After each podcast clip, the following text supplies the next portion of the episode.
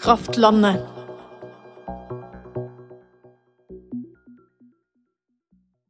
Elinor setter mobilen på ladning før hun går ned på badet og dusjer. Flisene på gulvet er kalde, så hun setter opp varmekablene et par hakk. Vannet er godt og varmt slik hun liker det best når det er kaldt ute. Hun blir ofte kald når hun har vært i svømmehallen også. Da blir det en ekstra dusj.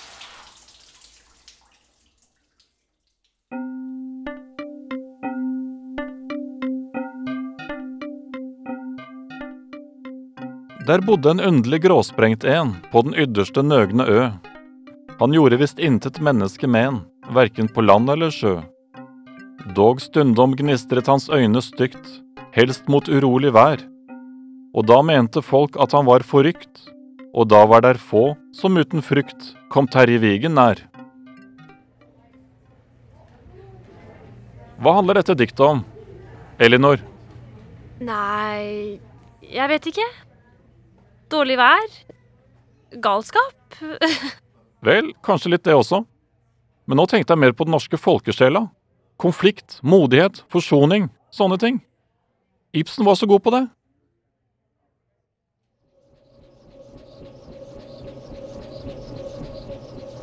Det blir bygd en vindturbinpark oppe på en høyde over byen.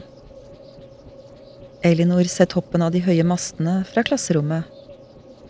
Noen av de hun kjenner er opprørt over dette. De lurer på hvordan det vil bli å ha vindturbiner i nærområdet.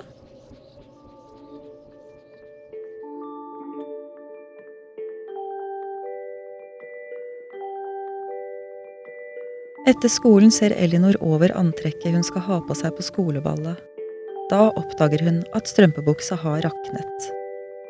Hun spør søsteren sin Tone om ikke de kan ta en tur i butikken. Tone lader elbilen sin en stund, så kan de dra. Bilen til Tone bruker 1,7 kWt på å kjøre til butikken. Når de er framme, springer Elinor inn og finner en strømpebukse som passer.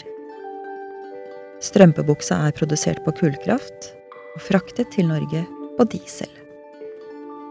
Den siste etappen, hjem til Elinor og Tone, kjøres altså elektrisk. Og senere vil Elinor vaske strømpebuksa med strøm til 120 øre per kilowattime.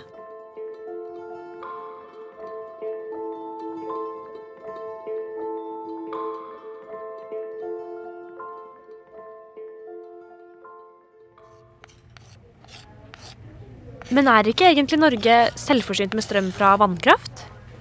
Norge er en del av et europeisk kraftutvekslingssamarbeid. Elinor har fått med seg at det blir sendt strøm både ut av og inn i Norge, og at det henger sammen med priser og behov. Men det har vel ikke noe med meg å gjøre? Strømprisene er høye. Det er kjølig i klasserommet. Jentene i klassen klager mest. De nekter iblant å ta av seg jakka. Læreren forteller klassen hva det koster å drive et svømmebasseng. Han får til og med rektor til å vise strømregningene på storskjerm. Klassen reagerer. Noen ler, andre roper høyt. Tenk hva de pengene kunne ha gått til.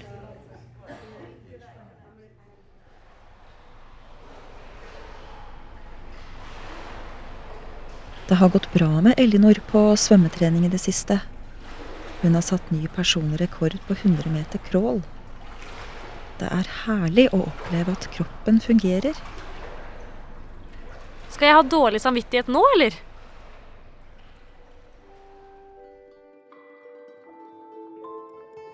Vindturbinparken oppe på høyden tar form.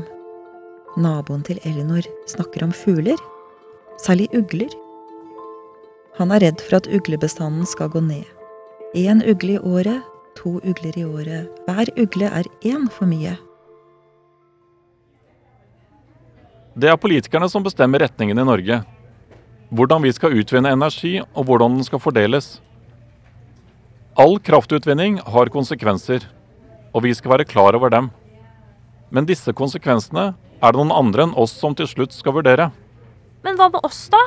Kan ikke vi bestemme noe? Jo, gjennom demokratiet. Bruk stemmeretten. Ja, når dere blir litt eldre, da. Og fram til da fins det både organisasjoner og lokalaviser og Ja, skriv et lesebrev. Det er lov å engasjere seg.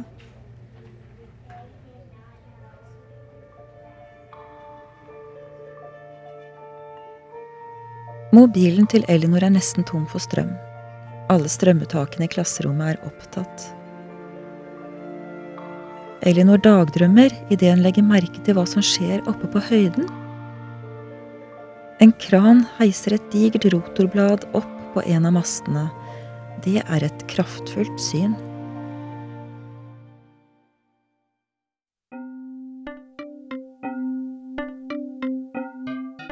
Dog stundom gnistret hans øyne stygt, helst mot urolig vær.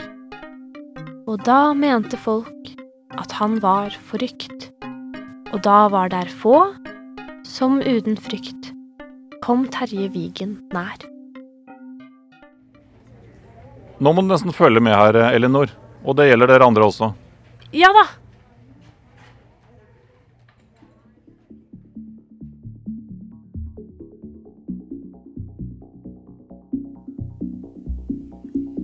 Du har hørt en lydfortelling fra Kraftlandet. Manus var ved Liv Eiril Evensen. I rollene hørte du Guro Bjørnslett som Elinor, Frode Sørsgaard som læreren, og fortelleren var Liv Eiril Evensen. Kraftlandet forteller historier om kraft og energi. Du får vite mer på kraftlandet.no.